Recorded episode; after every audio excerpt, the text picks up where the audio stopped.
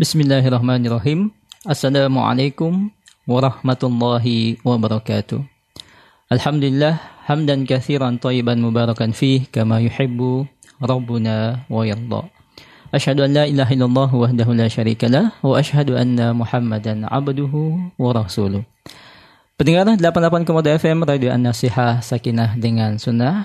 Bahagia sekali di sore hari ini kami bisa kembali hadir menemani anda menjelang buka puasa di acara kita iaitu konsultasi agama spesial Ramadan. Rumahku bersinar di bulan Ramadan. Di edisi hari ini, hari Senin, tertanggal 18 Ramadan 1441 Hijriah atau bertepatan dengan tanggal 11 Mei 2020. Dan tak lupa kami menyapa anda yang mendengarkan siaran kami di Jabodetabek lewat 675 AM Radio Syiar Tauhid dan anda yang mendengarkan lewat 107,5 FM Radio Al-Madinah Solo dan juga yang mengikuti kami di live streaming YouTube dan Facebook Zulkarnain Muhammad Susi dan Radio An-Nasihah. Terima kasih Anda sudah setia mendengarkan 88,2 FM. Baik pendengar yang insyaAllah dirahmati oleh Allah Subhanahu Wa Taala, konsultasi agama kita yang kami siarkan setiap hari selama bulan Ramadan ini di pukul 16.30 hingga 17.30 waktu Indonesia Tengah adalah acara yang diasuh dan dibimbing langsung oleh guru kita Al-Ustaz Zulkarnain Muhammad Sunusi Hafizullah Ta'ala. Dan Alhamdulillah saat ini sudah beliau sudah bersama kita. Assalamualaikum Ustaz. Assalamualaikum. Baik, Alhamdulillah. Baik pendengar, di konsultasi agama kita ini adalah program interaktif. Jadi kami menunggu pertanyaan anda. Anda bisa menghubungi kami di 0811-4458-882 untuk anda yang ingin bertanya langsung. Dan di 0811413636 untuk anda yang ingin bertanya lewat via atau via SMS, WhatsApp ataupun Telegram. Baik, waktu di studio sudah menunjukkan pukul 16.43 menit waktu Indonesia Tengah. Inilah konsultasi agama spesial Ramadan, rumahku bersinar di bulan Ramadan. Tafadhal Ustaz. Bismillahirrahmanirrahim. Alhamdulillahirabbil alamin. Wassalatu wassalamu ala al-mab'uts rahmatan lil alamin. Nabiyina Muhammad wa ala alihi wa sahbihi wa man tabi'ahum bi ihsanin ila yaumiddin amma ba'd. Kaum muslimin dan muslimat di mana pun anda berada Assalamualaikum warahmatullahi wabarakatuh. Ada tiga ayat penutup di surah Al-Munafikun dari ayat-ayat yang patut kita renungi karena surah Al-Munafikun ini itu salah satu dari dua surah yang biasa dibaca oleh Nabi Shallallahu Alaihi Wasallam di hari Jumat di sholat Jumat. Beliau kadang membaca surah Al-Jum'ah dan surah Al-Munafikun dan kadang beliau membaca Sabbihisma dan Hal Ataka Hadithul Ghasyiyah. Biasanya surah-surah yang sering dibaca oleh Nabi Sallallahu Alaihi di tengah perkumpulan kaum muslimin, kebersamaan kaum muslimin itu mengandung perkara-perkara yang patut kita renungi.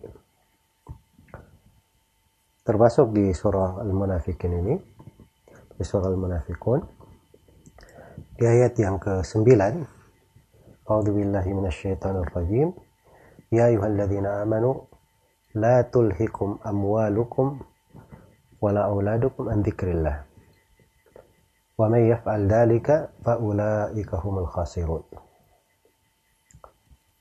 setelah diterangkan tentang sifat-sifat kaum munafikin maka Allah jelaskan sifat kaum mukminin kebalikan dari sifat kaum munafikin Dan sifat-sifat yang akan disebutkan di sini jangan didekati itu memang diterangkan di beberapa tempat yang lain dalam Al-Quran yang memuat penyebutan kaum munafikin seperti di surah An-Nisa dari surah At-Taubah Wah ini adalah masuk ke dalam sifat kaum munafikin. Ya ayyuhalladzina amanu dipanggil dengan suruhan keimanan. La tulhikum amwalukum wala auladukum an dzikrillah. Janganlah harta-harta kalian janganlah harta-harta kalian dan anak-anak kalian melalaikan kalian dari dikir kepada Allah. Melalaikan kalian dari dikir kepada Allah. Iya. Dikir kepada Allah di sini ada yang menyebut yang dimaksud haji dan zakat. Jangan sampai cintaan kalian pada harta, anak-anak,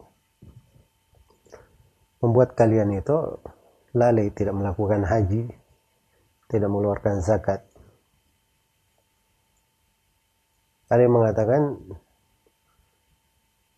berpaling dari dikrillah, berpaling dari dikir kepada Allah, itu artinya berpaling dari membaca Al-Quran, melalaikannya dari membaca Al-Quran. Tadi mengatakan berpaling jangan kalian dilalaikan dari dikir kepada Allah. Artinya untuk selalu kontinu berdikir. Dan juga di kalangan ahli tafsir yang menafsirkan jangan harta dan anak-anak kalian membuat kalian lalai dari sholat lima waktu ya dan dari Al-Hasan Al-Basri beliau memandang dikrillah itu mencakup seluruh kewajiban. Jangan kalian dilalaikan dari kewajiban apa pun. Dari faridah apa pun. Iya. Itulah sifat orang-orang yang beriman. Diingatkan akan hal tersebut. Karena itu di tempat yang lain ketika diterangkan tentang keutamaan masjid surah Nur fi buyutin adinallahu an turfa'a wa yudhkara fiha ismuhu yusabbihu lahu fiha bil wal asali rijalun la tulhihim tijaratun wala bay'un an dzikrillah ita'iz zakah yakhafuna yawman tataqallabu fihi al qulub wal absar ada rumah-rumah yang Allah telah syariatkan untuk disebut nama Allah di dalamnya. Rumah-rumah yang disyariatkan, ditetapkan untuk diagungkan, disebut nama Allah. Dilakukan tasbih di dalamnya. Dilakukan sholat, tasbih, waktu pagi dan petang oleh sekelompok lelaki. Ini orang-orang yang hebat. Perniagaan tidak melalaikan mereka. Demikian pula jual beli tidak melalaikan mereka dari dikir kepada Allah, menegakkan sholat, mengeluarkan zakat. Karena mereka takut suatu hari, itu hari kiamat di mana mata itu terbolak-balik. Atau hati itu terbol hati dan mata terbolak-balik saking dahsyatnya hari tersebut. Iya. Ini makna dari ayat ya ayyuhalladzina amanu wahai orang-orang yang beriman la tulhikum amwalukum Jangan harta-harta kalian membuat kalian lalai. Wala auladukum. Dan jangan pula anak-anak kalian membuat kalian lalai. Harta ada suatu hal yang diizinkan di dalam syariat dibolehkan. Anak-anak juga dengan keluarga ada hal-hal dibolehkan. Kadar yang dilarang di sini hal yang melalaikan. Nah, itu kelalaian diiring dengan kelalaian kadang seorang tidak terasa nanti masuk ke kubur baru dia sadar alhaakumut takatsur hatta zurtumul maqabir kalian dibuat lalai oleh sikap at-takatsur berlebih-lebihan bermegah-megahan. Sampai kalian masuk ke kuburan. Dan sini ditegaskan wa may yaf'al dzalika fa ulaika humul khasirun. Siapa yang melakukan hal tersebut maka dialah orang-orang yang merugi. Kemudian di sebutkan dari sifat yang lainnya, perintah yang lainnya. Di ayat yang ke-10. Wa anfiqu mimma razaqnakum min qabli an ya'tiya ahadakumul maut. فيقول رب لولا أخرتني إلى أجل قريب فأصدق وأكون من الصالحين dan berinfaklah kalian nafkahkan belanjakan rezeki yang kami berikan kepada kalian. Sebelum kematian datang kepada salah seorang di antara kalian. Ya memang amalan-amalan itu harus segera ditegakkan. Sebelum datang suatu kepastian yang bernama kematian. Atau suatu sebelum datang nanti suatu hari yang bernama hisab. Sebelum datang nanti suatu hari yang bernama hari kiamat. Itu mana-mana disebut dalam Al-Quran di berbagai tempat. Supaya seorang itu ketika diperintahkan sebuah perkara, jangan dia lalaikan. Ya, berinfaklah kalian terhadap rezeki yang kami berikan kepada kalian. Sebelum datang kematian. Dan ini dipetik oleh Imamul Qurtubi pembahasan tentang wajibnya menyegerakan uh, penunaian zakat. Jadi kalau zakatnya sudah jatuh tempo, maka tidak boleh dia undur-undur. Tidak dikatakan, oh dia punya kelapangan. Setelah jatuh tempo zakatnya, dia punya kelapangan mengeluarkannya nanti, tahun depan, dua tahun depan. Tidak. Ini kewajiban. Sebelum kematian datang menjemput. Kewajiban di atas pundak. Iya. Dan juga para ulama berbicara tentang anjuran menyegerakan zakat kalau sebab zakat itu sudah dia miliki. Sudah ada padanya sebab zakat. Misalnya dia punya toko, ini toko tahun depan, dua tahun depan, tiga tahun depan, pasti ada zakatnya. Nah itu sebab sudah ada. Nah kalau dia ingin segerakan zakatnya setahun dua tahun, maka itu nggak ada masalah. Iya sebagaimana telah datang dari hadis riwayat Bukhari dan Muslim sebagian sahabat yang melakukan hal itu di masa Nabi paman Nabi Al Abbas bin Abdul Muttalib mengeluarkan zakatnya dua tahun berturut-turut. Ya karena zakat itu dikeluarkan tidak ada kerugian bagi seorang hamba. Kebaikan untuknya. Ya. Sebelum kematian datang menjemput ini suatu hal yang dahsyat ya selalu kita perhatikan. Itu disinggung di banyak tempat dalam Al-Quran. Misalnya Allah Subhanahu wa taala mengingatkan wa andirin nasa yauma ya'tihimul adab. Mengingatkanlah manusia ketika adab itu sudah datang. Jangan sampai sudah datang adab baru dia menyesal. Ya, fa yaqulul ladzina zalamu Rabbana akhirna ila ajalin qaribin nujib da'watak wa nattabi'ir rusul. Orang-orang yang zalim baru dia berkata, wahai Rabb kami, tolong tangguhkan kami. Untuk waktu dekat saja minta ditangguhkan.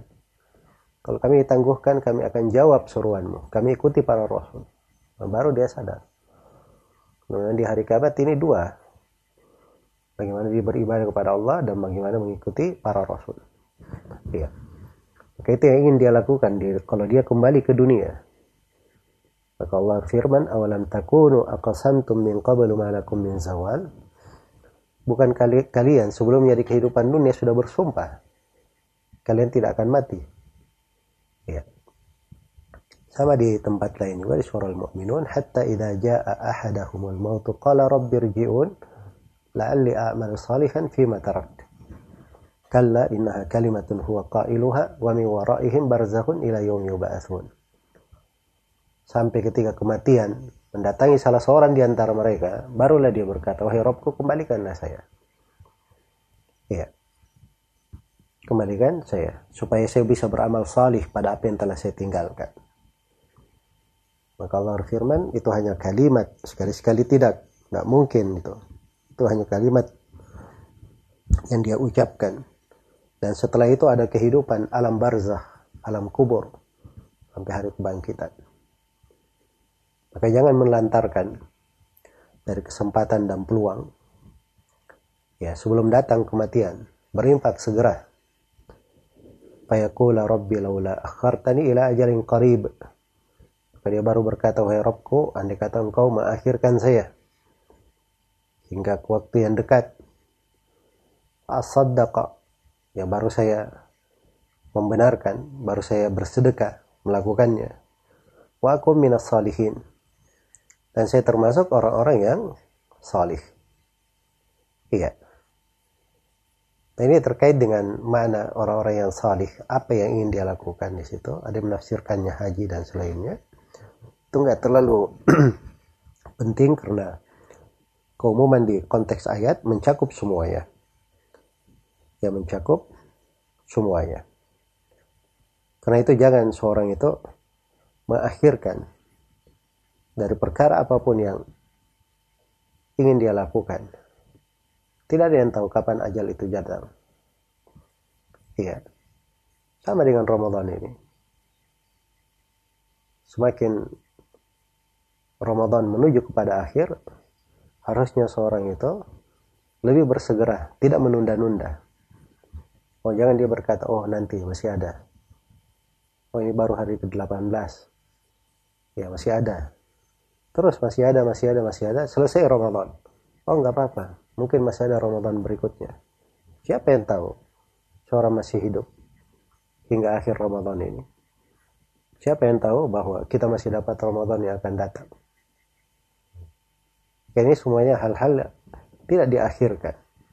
Karena itu diingatkan di ayat yang terakhir. Wala yuakhirallahu nafsan wala yuakhirallahu nafsan idza jaa wallahu khabirun bima ta'malun. Dan Allah sekali-sekali tidak akan mengakhirkan menangguhkan kematian apabila ajalnya sudah sampai. Ya kalau kematian sudah sampai ajal sudah tiba itu tidak ada yang bisa mengakhirkan. Tidak ada yang bisa menangguhkannya. Siapa pun dia. Itu ketentuan Allah Subhanahu wa taala. Allah menegaskan wallahu khabirun bima ta'malun. Yang paling harusnya menghujam ke hati kita semua. Apa pun keadaan kita ketika kematian, ingat Allah Subhanahu wa taala Maha mengetahui secara teliti, secara mendetail apa yang kita lakukan. Apa yang kita kerjakan. Semoga Allah Subhanahu wa taala menjadikan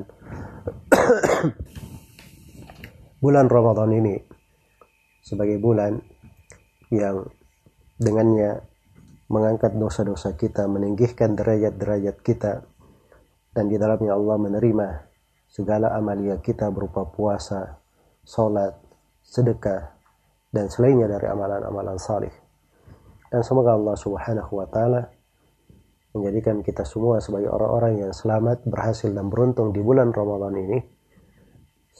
Juga dalam keadaan berhasil dan beruntung dan selamat di dunia dan di akhirat. Innahu waliyu dzalika wal qadiru alaih wallahu taala Baik, pendengar 88 Kemudian FM Radio Nasiha Sakinah dengan Sunnah. Demikian tadi kita telah dengarkan bersama tausiah ringkas dari guru kita Al-Ustaz Zulkarnain Hafizullah Ta'ala di sore hari ini.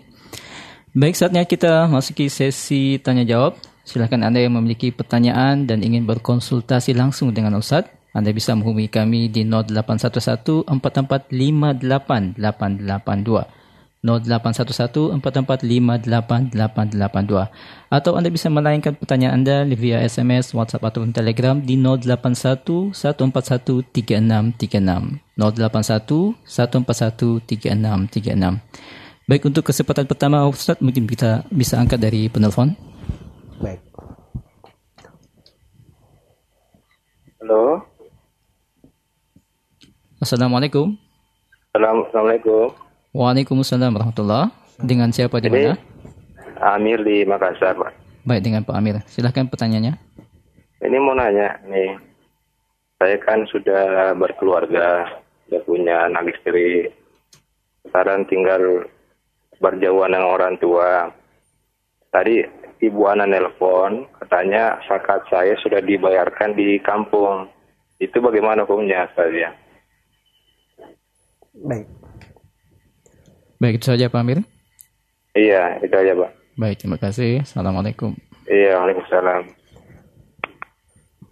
Jadi Pak Amir kalau misalnya ibu sudah mengeluarkan zakat di kampung itu nggak ada masalah ya syah saja untuk Amir. Ya, cuman kalau sudut uh, zakat itu sendiri berbicara tentang yang mana yang paling utama, yang paling utamanya seorang keluarkan di tempat yang dia tinggal. Ya, karena itu diambil dari makanan pokok yang biasa dia makan. Zakat itu diambil dari beras, makanan pokok yang biasa dia makan. Kemudian itu yang dia keluarkan, dia berikan kepada orang yang di sekitarnya. Tapi kalau misalnya dikeluarkan oleh orang tua di negerinya, itu tidak ada masalah, syah-syah saja. Tidak ada masalah di dalam hal tersebut. Semoga Allah memberi taufik kepada semuanya. Wallahu ta'ala alam. Baik, apakah nilai barang dagangan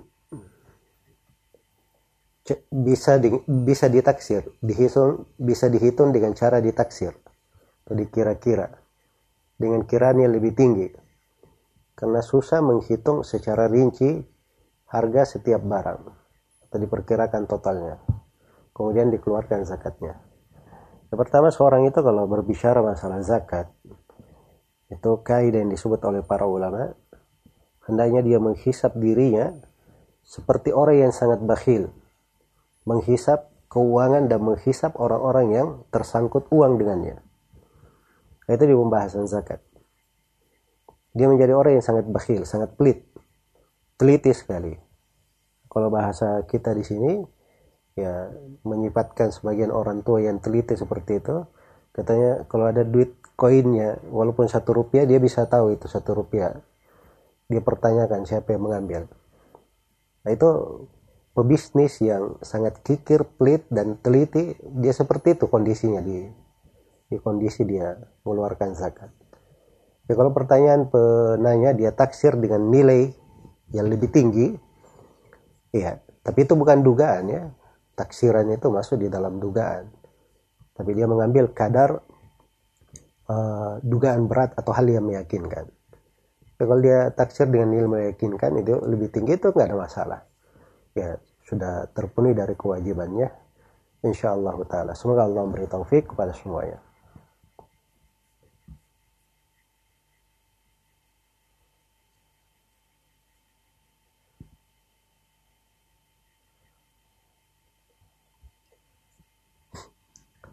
Apa hukumnya membeli barang lelang di pegadaian?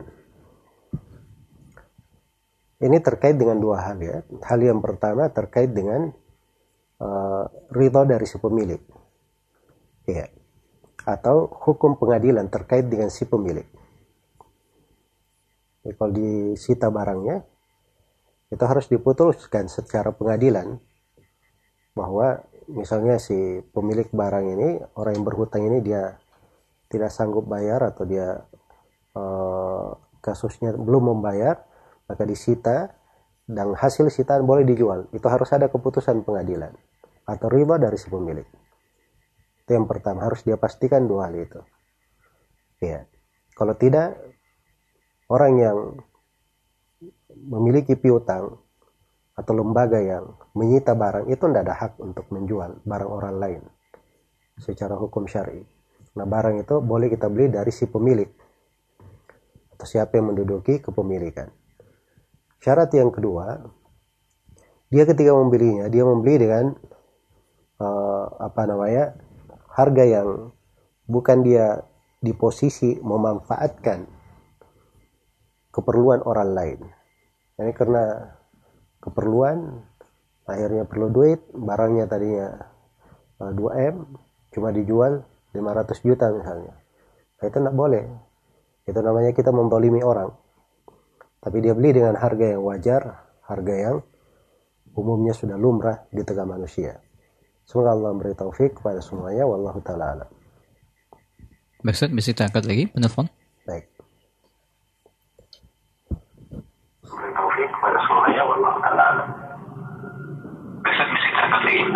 Assalamualaikum. Halo. Halo, Assalamualaikum. Waalaikumsalam warahmatullah. Ibu mohon dikecilkan dulu volume radionya. Baik. Halo, Assalamualaikum.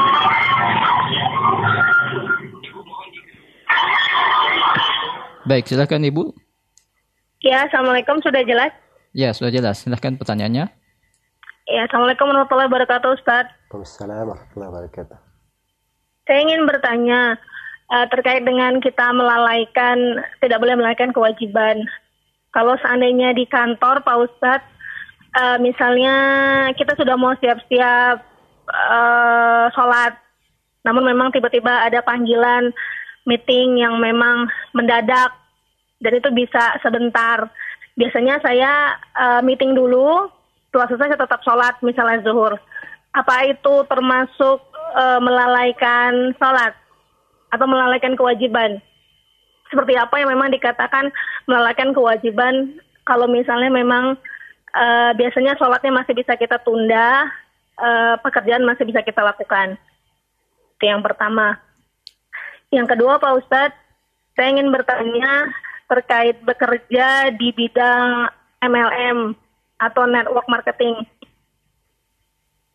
Ya. Baik, terima kasih Ibu. Itu saja. Baik, silahkan Ustaz.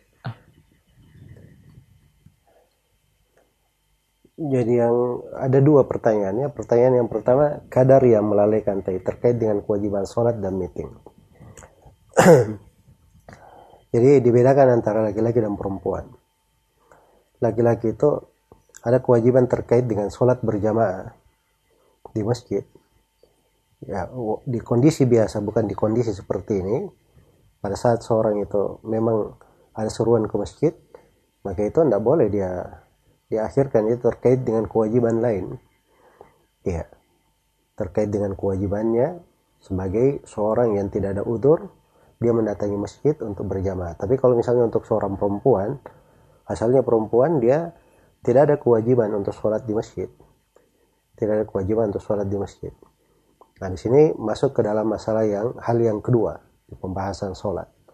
Bahwa sholat itu afdalnya dilakukan di awal waktu. Itu terkait dengan seluruh sholat kecuali sholat isya. Semua sholat kecuali sholat isya afdalnya dilakukan di awal waktu. Di awal waktu.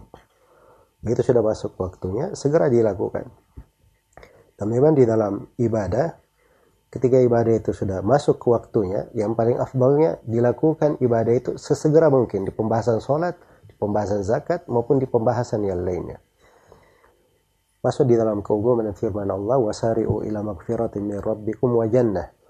Bersegeralah kalian semua menuju kepada pengampunan dari Rob kalian dan sorga. Kita diperintah untuk bersegera di dalam hal tersebut.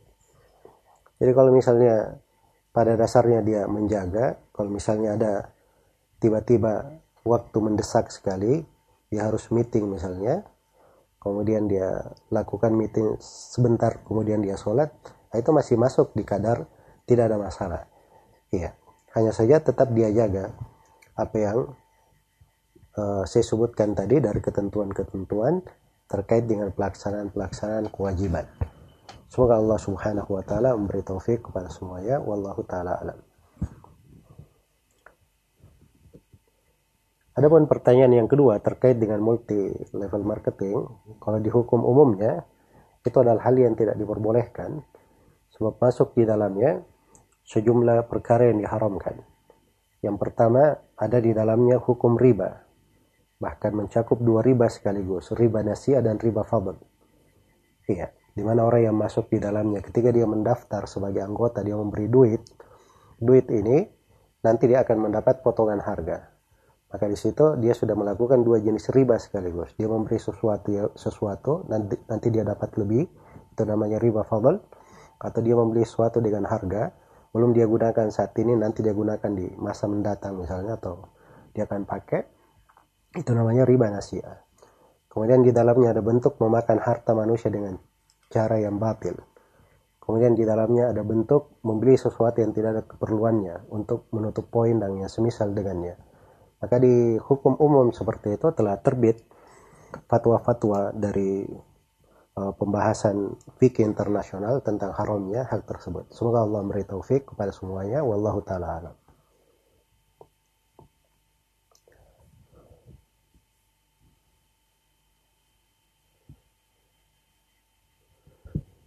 bagaimana adab-adab dalam membaca Al-Quran. Misalnya kita sedang membaca Al-Quran, terus anak datang menghampiri bertanya sesuatu. Kita jawab sebentar. Apakah kita melanjutkan bacaan Al-Quran kita dengan ta'awud atau basmalah, atau langsung dilanjutkan saja? Jawabannya kalau sedikit seperti itu, itu nggak mesti ya dia ta'awud lagi, dia baca dari ulang. Ya, tapi dia perlu perhatikan etikanya. Ya, kalau dia membaca sebuah ayat, dia selesaikan ayat itu baru dia jawab pertanyaan anaknya. Iya. Baru dia jawab pertanyaan anaknya. Ya kalau misalnya ayat yang kita kaji tadi ya ayyuhalladzina amanu la tulhikum amwalukum wa auladukum. Kemudian dia jawab pertanyaannya. Baru setelah itu dia lanjutkan wa may yaf'al dzalika fa ulaika humul khasirun.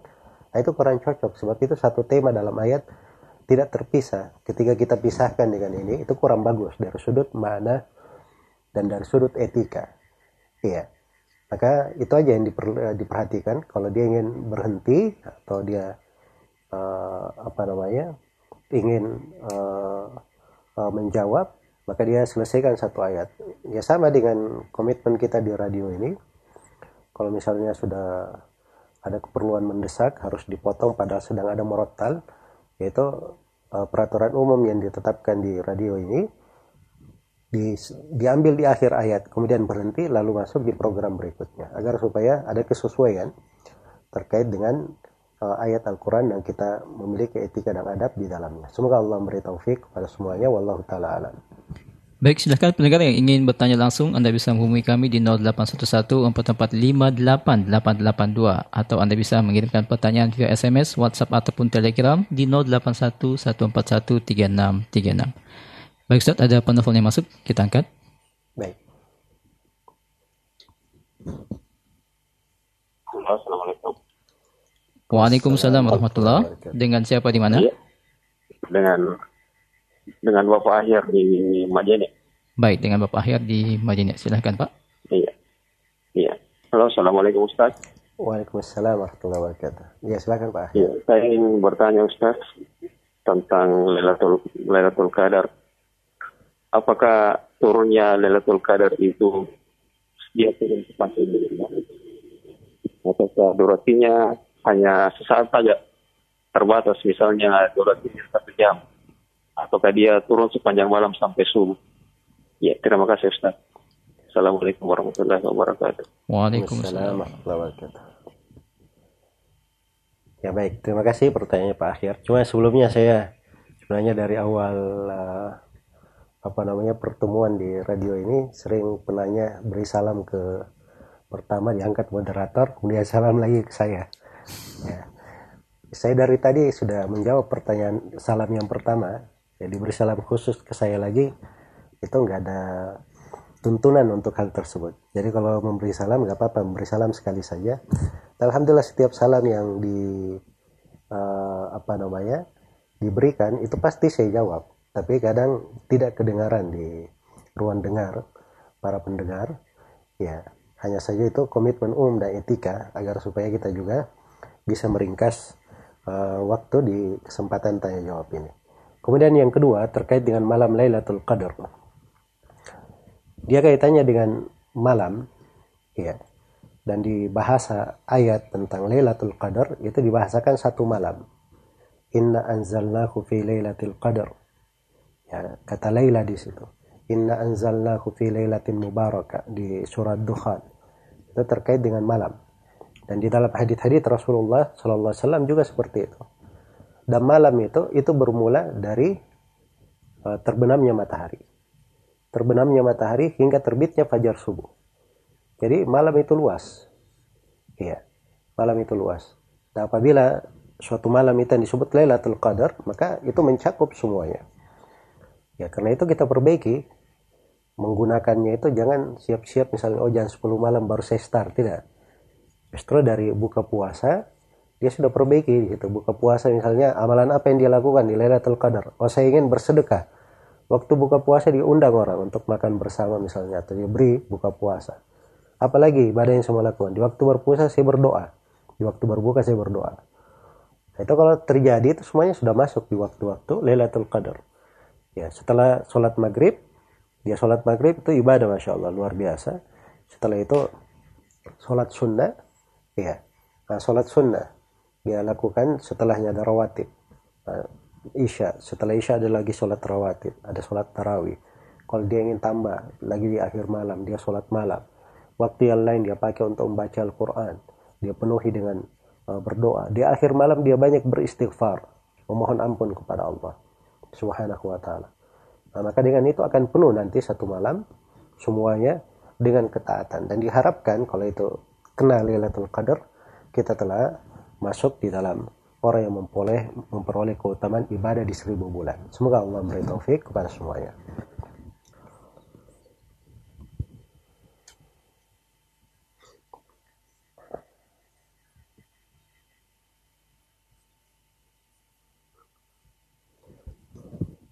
Bagaimana status anak yang ditinggal mati ayahnya?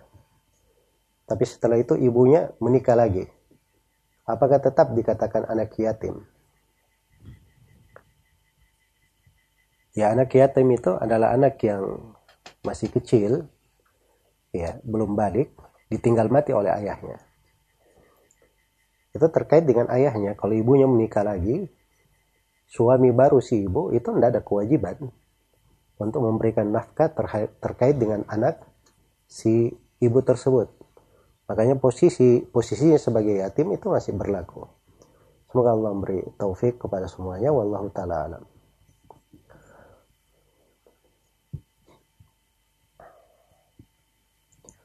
Berkenaan dengan menghidupkan 10 malam terakhir Ramadan, kita sholat tarawih di awal malam. Apakah sudah terhitung menghidupkan 10 malam terakhir Ramadan? Karena sholat setelah sholat kita istirahat sampai bangun makan sahur. Ya sholat malam, sholat tarawih itu bagian dari menghidupkan malam ya, bagian dari menghidupkan malam. Cuman itu kadar tidak ada bedanya dengan hari-hari sebelumnya. Justru harusnya 10 malam terakhir itu ya jangan setelah sholat tarawih jangan tidur lagi sampai sahur. Atau kalau dia tidur dia tidur sedikit saja. Yang diperlukan untuk apa namanya uh, dia bermujaha dari malam hari.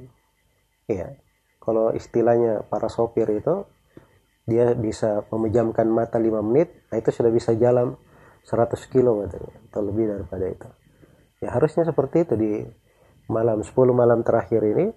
Berlalu kita tidak tahu di mana malam Lailatul Qadarnya kita harus mencarinya.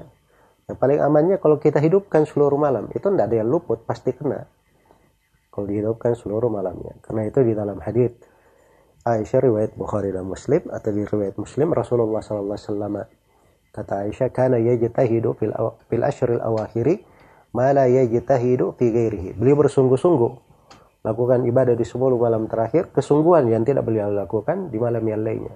Jadi harus ditambah porsi amalan, ditambah semangatnya, lebih digas lagi ya kekuatan beramal dan kekuatan hati di situ. Semoga Allah memberi taufik kepada semuanya. Ustaz kita angkat lagi penelpon. Baik.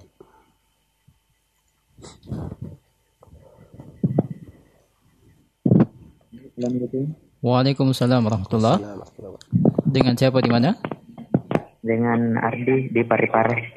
Baik dengan Pak Ardi di Parepare. Mohon dikecilkan dulu volume radionya Pak. Oh iya. 100 kilo. Halo? Ya, silakan pertanyaan. Eh, saya saya punya orang tua, tapi orang tua saya sudah meninggal. Eh, dan orang tua saya itu eh, apa namanya hmm, punya orang tua juga, tapi dia orang tuanya orang tua ibu saya tersebut eh, meninggal tapi meninggalkan harta dan beberapa saudara ibu saya eh, apa namanya?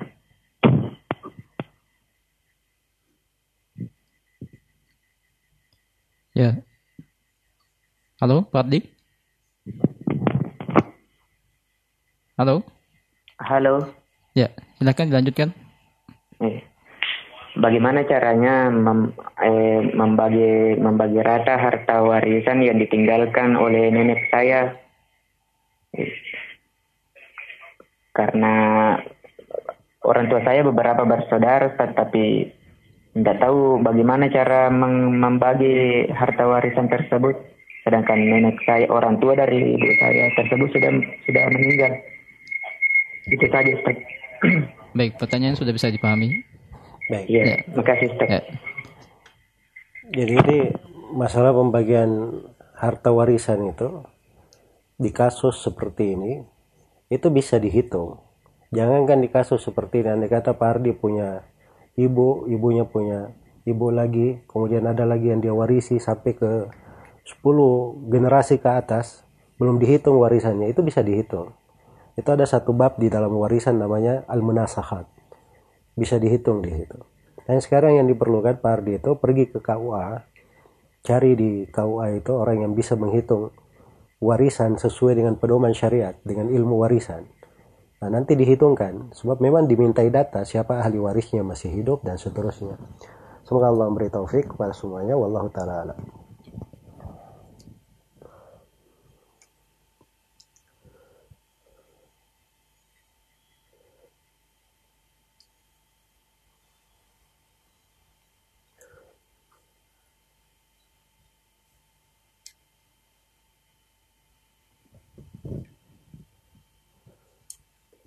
Apakah Syah membayar zakat fitri dengan dua tempat penyerahan, membayar dua kali? Ya kalau dia membayar dua kali nggak ada masalah ya, itu hal yang dia lebihkan. Ya, tapi pokok yang dia keluarkan itu adalah apa yang kewajibannya. Kalau dia melebihkan selain daripada itu, itu kembali kepadanya. Ya tidak ada masalah. Semoga Allah memberi taufik kepada semuanya.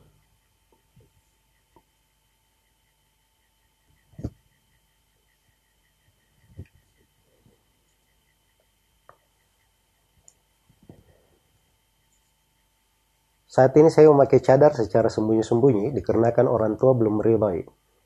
Rencana insya Allah tahun depan kalau sudah wisuda saya ingin menggunakan cadar. Qadar Allah wisuda adalah hal wajib bagi orang tua saya.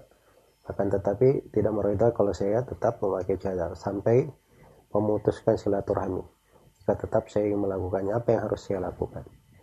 Yang pertama, eh, seorang itu di dalam kewajiban-kewajibannya sebagai muslimah itu suatu hal yang indah dia jaga, dia pelihara. Ya seperti apa yang disebutkan memakai cadar. Itu adalah hal yang memang berjalan di tengah umat Islam ini. Cuman dan ber- berjalan di tengah orang-orang terdahulu. Ya. Dan itu dikenal di kalangan para perempuan dari masa terdahulu. Cuman sekarang berubah keadaannya. Orang menganggapnya sebagai hal yang asing. Hal yang aneh. Kalau kita hidup di masa Ibnu Hajar misalnya, Ibnu Hajar berkata, menutup muka itu adalah kebiasaan manusia di masa sekarang dan di masa sebelumnya. Iya. Jadi kalau di masa sekarang orang tua menganggapnya itu aneh itu karena dia memang baru hidup di masa sekarang. Terus hidupnya terjadi perubahan di tengah manusia. Jangankan di tengah umat Islam, di komunitas orang-orang penganut agama yang lain di 100 tahun sebelum ini itu di, banyak di tempat mereka memakai penutup muka. Ya, dan itu kehidupan berjalan di tengah manusia. Apalagi kita ini uh, pedoman syariat penjagaan terhadap perempuan, maka itu perlu dipahamkan. Ya, kadang keterbatasan ilmu membuat dia memusuhi sesuatu. Nah, maka diberi dari ilmu yang baik dan perlu bersabar untuk hal tersebut, banyak berdoa kepada Allah. Dan pada hal-hal yang seseorang itu tidak sanggup di dalamnya, terbentur pada hal yang bisa membahayakannya, maka Allah Subhanahu wa taala berfirman, "Fattaqullaha mastata'tum." Bertakwalah kalian kepada Allah sesuai dengan kemampuan kalian. Semoga Allah Subhanahu wa taala memberi taufik kepada semuanya wallahu taala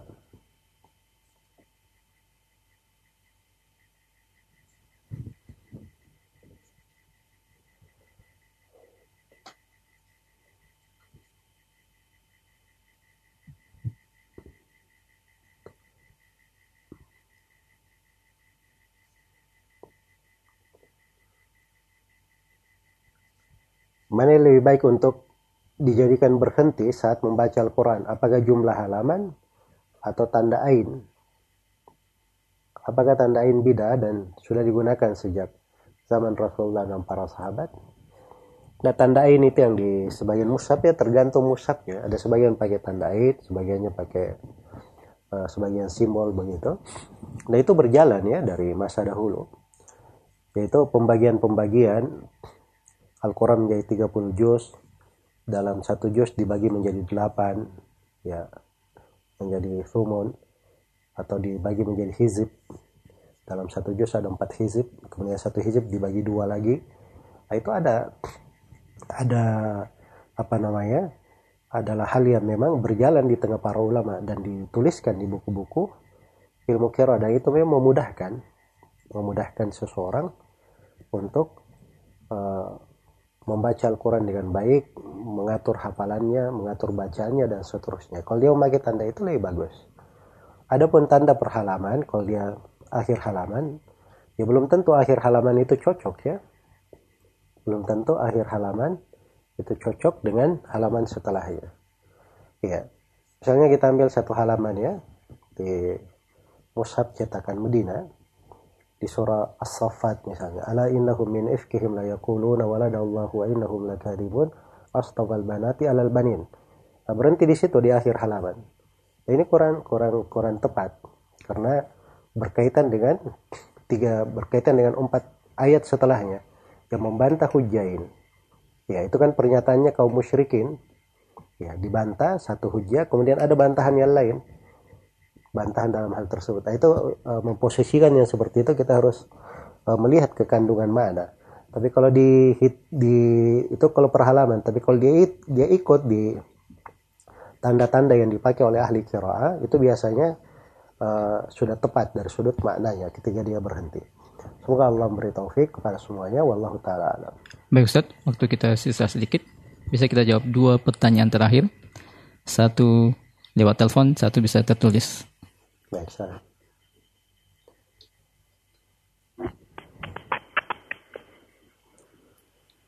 Assalamualaikum. Waalaikumsalam. Baik, dengan siapa di mana? Dengan Subhan di Jakarta. Baik, silahkan Pak Subhan satu pertanyaan terakhir. Iya, uh, terkait video. Saya ingin menanyakan terkait video uh, tata cara pembayaran video itu seperti apa ya? Misalnya dalam sehari makan tiga kali ya, per makan itu sepuluh ribu. Kalau dalam bulan puasa ini tidak puasa full dalam satu bulan itu seperti apa jadi pembayarannya? Baik. Baik, terima kasih Pak Zuban. Pertanyaan ya, sudah bisa dipahami ya. Waalaikumsalam warahmatullahi Baik, jadi uh, video itu itu dihitung dengan memberi makan. Dan jumlah makanan yang diberikan itu disebutkan oleh para pokoha dan itu yang saya sering sebutkan sebagai jalur yang paling amannya dan lengkapnya. Dia keluarkan jumlah setengah sok atau dua kali telapak tangan. Kita ambil dua telapak tangan kita kita ciduk begini makanan satu dua nah itu jumlahnya yang dikeluarkan. Harganya berapa itu dicek sendiri. Setiap kota itu berbeda-beda. Mungkin di Jakarta harganya 10.000 kalau di Jogja mungkin cuma 5.000 karena ada perbedaan dari sudut harga. Ya tapi jumlah yang dimaksud adalah itu dan maksudnya dari yang diberi adalah makanan pokok yang biasa dia makan. Bukan diberi roti bukan diberi, diberi biskuit atau diberi permen. Sebab itu tidak memberi makan namanya itu memberi snack kalau di bahasa umumnya orang memberi makan itu yang dimaksud makanan pokok yang telah disebutkan. Semoga Allah memberi taufik kepada semuanya.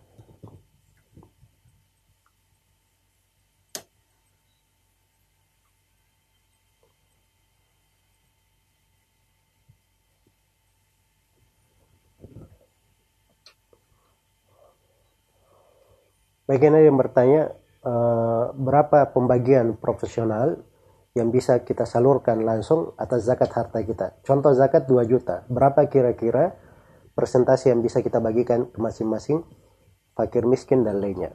Tidak ada batasan di situ ya. Jadi uh, zakat itu, zakat harta itu diserahkan kepada delapan golongan. Disebut di ayat di surat Taubah, "Inna sadaqatu lil fuqara'i wal masakin wal amilina 'alaiha wal mu'allafati qulubihim." Uh, wal gharimin wa fir apa namanya wa fir riqabi wal gharimin wa fi sabilillah wa ibnis sabil ada delapan ya nah, dari misalnya ada harta zakat 2 juta dia mau uh, beri kepada delapan semuanya boleh. Dia mau beri kepada satu saja boleh juga. Atau dia beri kepada satu sifat saja, fakir atau miskin saja. Ya, fakirnya ada sepuluh, dia bagi sepuluh, itu juga boleh, nggak ada masalah. Ya, cuman perlu saya ingatkan kalau kita memberi kepada seseorang dilihat ke kadarnya. Misalnya, zakat diberi kepada uh, Ibnu Sabil. Ibnu Sabil itu siapa? Orang yang kehabisan bekal. Jadi beri dari zakat hal yang cukup bekal dia sampai ke negerinya. Nah, itu Ibnu Sabil namanya. Walaupun dia orang kaya, tapi habis bekal di jalan, dia perlu perjalanan misalnya dari Indonesia kembali ke benua Afrika sana misalnya, dia perlu biaya 20 juta, diberi 20 juta dari zakat, tidak ada masalah. Ya. Walaupun dia orang kaya di negerinya, itu dihitung dia orang miskin pada saat itu karena kehabisan bekal di jalan. Nah, terus kalau misalnya uh, dia adalah orang yang terlilit hutang fil gharimin terlilit hutang maka diberi sesuai dengan kadar hutangnya diselesaikan walaupun hutangnya jumlahnya banyak misalnya hutangnya 2M misalnya ya dan dia ini jenis hutangnya adalah hutang yang sifatnya memang uh, benar. Dia boleh dibantu dari zakat tidak ada masalah dibantu dari zakat dalam hal itu. Karena itu ada jenis dari gorimin banyak terjadi di sebagian negara. Ada orang yang mendamaikan antara dua keluarga yang bertikai. Untuk mendamaikan itu ya dia harus membayar apa namanya uh, menanggung uh, duit perdamaian duit perdamaian ditanggung oleh dia ya kadang jumlahnya sampai besar ada yang 2 m atau yang 10 m maka itu diberi dari zakat tidak ada masalah sebab itu dari proses menyelamatkan jiwa dia lakukan dengan hal tersebut itu diizinkan di dalam syariat ya adapun fakir dan miskin kalau diberi dari zakat itu perlu diingat, zakat yang diberikan itu paling maksimal untuk keperluannya selama setahun saja. Oh dia miskin. Oh saya beri aja dia 10 duit 10 M misalnya. 10 M ini dia bisa bangun rumah, dia bisa hidup untuk 20 tahun ke depan. Anda boleh diberi zakat seperti itu. Dia hanya boleh diberi sekadar untuk keperluannya selama setahun saja. Semoga Allah memberi taufik kepada semuanya. Wallahu ta'ala. Baik pendengar 88 kemud Baik pendengar 88 kemudian FM Radio An-Nasiha Sakinah dengan Sunnah. Alhamdulillah telah kita ikuti rangkaian program interaktif di konsultasi agama spesial Ramadan hari ini di hari ke-18 Ramadan 1441 Hijriah atau bertepatan dengan tanggal 11 Mei 2020. Kami ucapkan terima kasih kepada Anda yang sudah setia mendengarkan program ini. Anda yang berada di Jabodetabek Jabodetabek yang mendengarkan lewat 675 AM Syiar Tauhid dan Anda pendengar di Solo yang mendengarkan lewat 107,5 FM Radio Al-Madinah. Dan Anda juga yang mengikuti kami di live streaming Facebook dan YouTube via Zulkarnain MS dan Radio An-Nasiha. Sekali lagi kami ucapkan terima kasih wa jazakumullah khairan. Tetaplah mendengarkan program-program kami berikutnya di 88,2 FM. Dan untuk Anda yang mungkin terlewatkan dari mengikuti konsultasi agama kita di sore hari ini, Anda bisa mendengarkan siaran ulang besok di hari Selasa dini hari pukul 3 lewat 30 menit waktu Indonesia Tengah. Dan kami informasikan untuk waktu sholat maghrib di hari ini, di hari ke-18 Ramadan. Untuk wilayah Jakarta dan sekitarnya jatuh pada pukul 17 lewat 48 menit waktu Indonesia Barat. Dan untuk Anda pendengar di Solo atau Surakarta, waktu maghrib di hari ini jatuh pada pukul 17 lewat 30 menit waktu Indonesia Barat. Dan untuk Makassar dan sekitarnya, waktu sholat maghrib jatuh pada pukul 17 lewat 59 menit waktu Indonesia Tengah. Baik demikianlah konsultasi agama kita di sore hari ini dan Anda lewatkan konsultasi insyaAllah kembali bersiaran besok di jam yang sama pada pukul 16.30 hingga 17.30 waktu Indonesia Tengah. Kami mohon maaf atas segala kekurangan. Saya Muhammad Budiansyah dan seluruh kru mohon pamit. Subhanakallahumma wa bihamdik. Ashhadu an la ilaha illa anta astaghfiruka wa atubu ilaik. Wassalamualaikum warahmatullahi wabarakatuh.